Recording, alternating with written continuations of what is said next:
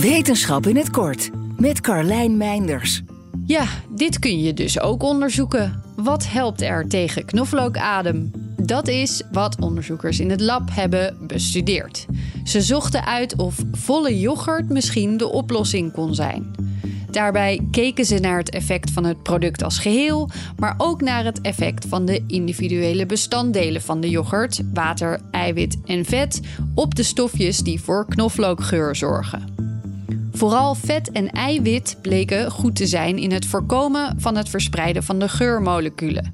De onderzoekers focussen dan toch liever op die eiwitten, want mensen spek of hamburgers aanraden is nou ook weer niet ideaal. Ze dromen nu van een eiwitrijk product dat speciaal voor deze toepassing wordt ontwikkeld. Welke eiwitten dan het beste werken, dat moet nog worden onderzocht. Voor nu raden ze Griekse yoghurt aan vanwege de grote hoeveelheid eiwitten.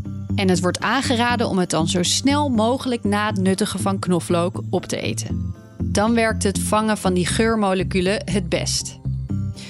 Eerder werden door dezelfde onderzoekers overigens al vergelijkbare effecten gevonden bij appels, munt, sla en melk.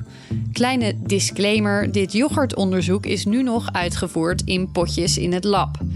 Een experiment met mensen met echte knoflookadem staat in de planning. Wil je elke dag een wetenschapsnieuwtje? Abonneer je dan op Wetenschap vandaag. Luister Wetenschap vandaag terug in al je favoriete podcast-apps.